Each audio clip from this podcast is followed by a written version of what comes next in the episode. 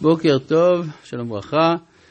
שואל ירדן, בוקר טוב לרב ותודה על השיעורים המופלאים, מדוע ביחס לפרעה השם מודיע למשה באופן ודאי מה תהיה תגובתו, ואני אחזק את ליבו ולא אשלח את העם, ואילו ביחס לבני ישראל הוא משאיר מרחב אפשרויות, והיה אם לא יאמינו לך, ויאמינו לכל האות האחרון, והיה אם לא.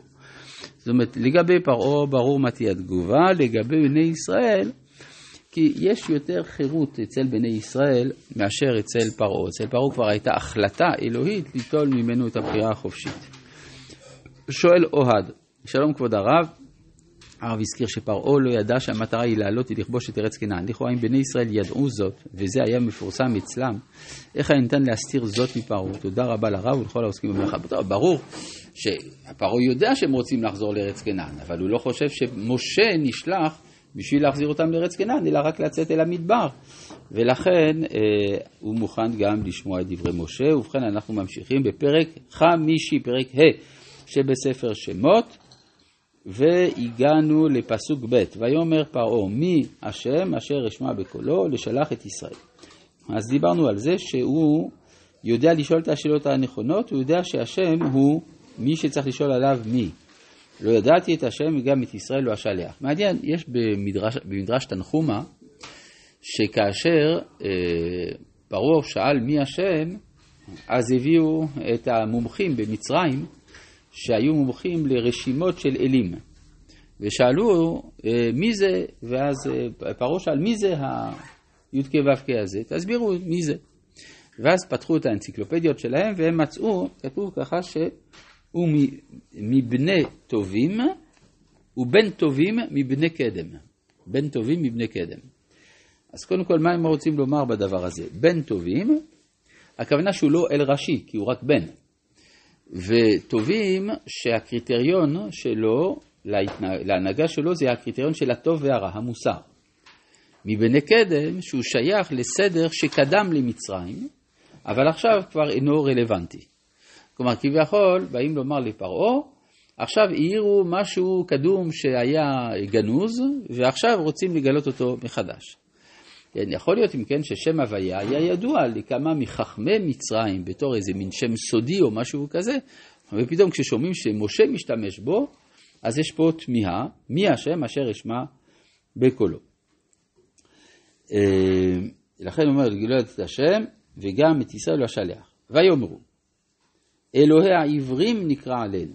עכשיו הוא מסביר מי זה השם, הרי אלוהי ישראל זה השם של האומה, אבל לא רגילים לקרוא לבני ישראל בשם, בשם ישראל כאומה, בני ישראל. אבל העברים זה ידוע, וכי אומר רבי יהודה הלוי שהיה דבר האבות, כן, אלוהי העברים הכוונה אלוהי האבות, אברהם, יצחק ויעקב, שהיה מפורסם בעולם, שהיו אותם האבות הקדושים ושנגלה אליהם השם, ולכן זה רפרנס, כלומר אסמכתה שיש לה משמעות עבורו. עכשיו, יש להוסיף גם שהעברים, העברים הם ידועים במצרים כרועי הצאן, וזה תועבה למצרים. אבל זה מסביר מדוע הם רוצים ללכת למדבר. המדבר הוא המקום שבו רועים את הצאן. אז זה מה שהוא אומר כאן, אלוהי העברים נקרא עלינו. נלחנה דרך שלושת ימים במדבר. מה זה דרך שלושת ימים במדבר? זה הסברנו מספר פעמים, שהביטוי שלושה ימים זה המרחק בין ישראל לעמים. כן, שלושה זה תמיד מרחק מוחלט. כי כשיש רק דבר אחד שמבדיל בין שני דברים, יום אחד נגיד, אז כל אחד מהנבדלים נוגע בו, אז יש צד של שותפות. גם אם יש שניים בין שני דברים, עדיין יש שותפות כי זה רק הבדלה יחסית. האחד הוא נמדד ביחס לשני. כששלושה זה ניתוק מהותי, כך מסביר המהר"ל, ולכן שלושה זה ניתוק. ונזבחה להשם אלוהינו, פן יפגענו בדבר או בחרב. הכוונה, כשאומרים פן יפגענו, הכוונה פן יפגע בך, בפרעה. רק שדרך כבוד, דרך אה, כלפי המלכות, אומרים פן יפגענו. עכשיו, עם מי הם דיברו עד עכשיו? עכשיו עד עכשיו הם דיברו עם פרעה. כן, באו אל פרעה, ויאמר פרעה. אחר כך פתאום יפויה מישהו חדש, ויאמר עליהם מלך מצרים. מי זה מלך מצרים? אז לפעמים הכתוב אומר פרעה מלך מצרים, לפעמים הכתוב מפריד בין שני התארים, כי היו זמנים במצרים ששני התארים היו מרוכזים באדם אחד, ולפעמים בשני אנשים. מלך מצרים הוא יותר אישיות טקסית, אה, אפשר לומר פולחנית, כגון למשל אה, ביפן יש אה, קיסר שהוא נחשב לאל, ויש מי שמנהל את הממשלה. אז זה בדיוק ההבדל בין מלך מצרים, שהוא כמין דמות רוחנית יותר, ופרעה שהוא האיש הטכני שמנהל את הממלכה. אז כיוון שהם דיברו על זביחה כן, שצריך להקריב קורבנות, אז מי שמגיב זה האישיות היותר כהנית שיש שם, ויאמר עליהם מלך מצרים. למה משה ואהרון תפריעו אותם ממעשיו? לכו לסבלותיכם. המילה סבלות, הסברנו שאינה כוונה, כמו בעברית של ימינו, מלשון כאב, סבל, מילה הכוונה מטלות. יש לכם מטלות, טפלו בזה. ויאמר פרעה, עכשיו גם פרעה אומר, הן הרבים מטעם הארץ והשבעתם אותם מסבלותם, כלומר פרעה דואג לצד הכלכלי. אז מלך מצרים אומר, למה להפריע? אבל חוץ מזה, אומר פרעה, עכשיו אתם תשביתו אותם מסבלותם, מה יהיה עם הכלכלה? ויצב פרעה ביום ההוא את הנוגסים בעם ואת שוטריו לאמור, לא תוסיפון לתת תבן לעם ללבון הלבנים כתמול שלשום, הם ילכו וקוששו להם תבן. ואת מתכונת הלבנים אשר הם עושים, תמול שלשום, תשימו עליהם, לא תגרעו ממנו, כי נרפים הם.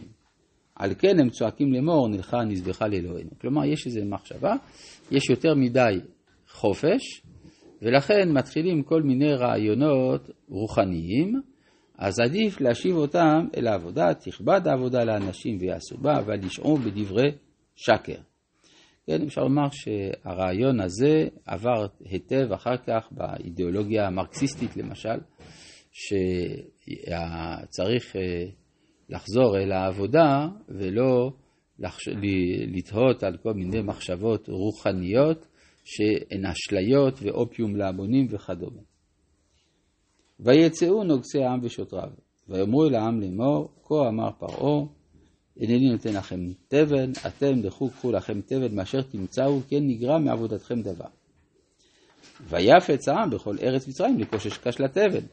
כלומר, אין ברירה, כלומר, אם לא נותנים להם את התבן, אין אספקה של התבן, אז הם צריכים להסתובב בכל מצרים, והנוגסים מצים לאמור, כלו מעשכם דבר יום ביומו כאשר ביות התבן, ויוכו שוטרי בני ישראל, אשר שמו עליהם נוגסי פרעה לאמור, מדוע לא חיליתם חוקכם, ללבון כתמול, שלשום, גתמול, גם היום. אז מה שאנחנו רואים זה שבעקבות ההנאה של תהליך הגאולה, המצב נהיה יותר גרוע. זה העיקרון שתתעודד יכול היה להיות יותר גרוע, ואז הוא התעודד ונהיה יותר גרוע. ו... וזה דבר שכנראה הוא מפתח כללי של כל פעם שיש גאולה, שהתהליך גם מגלה קשיים שעד עכשיו לא היו. ואז יכולה להיות טענה כלפי מי שיוזם את הגאולה. זה אשמתך שיש כל הצרות, כמו שמצאנו גם מי שטען שחלילה השואה באה בגלל הציונות. כן, שהגויים אה, התעוררו להילחם בישראל כשראו שעם ישראל רוצה לחזור לזירה שלו. אז לכן מצד זה היה צריך לאסור את הציונות. ברור שלדברים האלה אין שחר, כי הרי הקדוש ברוך הוא שולח את שליחיו. אבל אנחנו רואים פה בכל זאת איזה נקודה של, אה, אה, של התעוררות הקשיים בתחילת התהליך. ויבואו ש... כמו לידה. אה? כמו לידה, כן. מה אתה אומר? איך יודעים שהעם מתלונן על משה? איך יודעים שהעם מתלונן על משה? זה כתוב בהמשך, אז לא קראנו את זה. ויבואו שוטרי בני ישראל ויצעקו אל פרעה לאמור, למה תעשה חול לעבדיך? תבן ניתן לעבדיך ולבנים לנו עשו, והנה עבדיך מוכים וחטאת עמך, כלומר עמך חוטא. ויאמר נרפים אתם נרפים, על כן אתם אומרים נלכה נזבחה להשם, ועתה לכו עבדו ותבן לא ניתן לכם, ותוכן לבנים תיתנו. ויראו שוטרי בני ישראל אותם, אה, אה, ואותם ברע לאמור, לא תגרום לבניכם דבר יום ביומו. ויפגעו את משה ואת אהרון ניצבים לקראתם בצאתם מאת פרעה. ויאמרו עליהם, ירא השם עליכם וישפוט אשר יבאשתם את ריחנו בני פרעה ובני עבדיו, לתת חרב בידם להורגנו. אז יש פה טענה לכאורה מאוד חזקה, שצריך לדעת איך להתייחס אליה.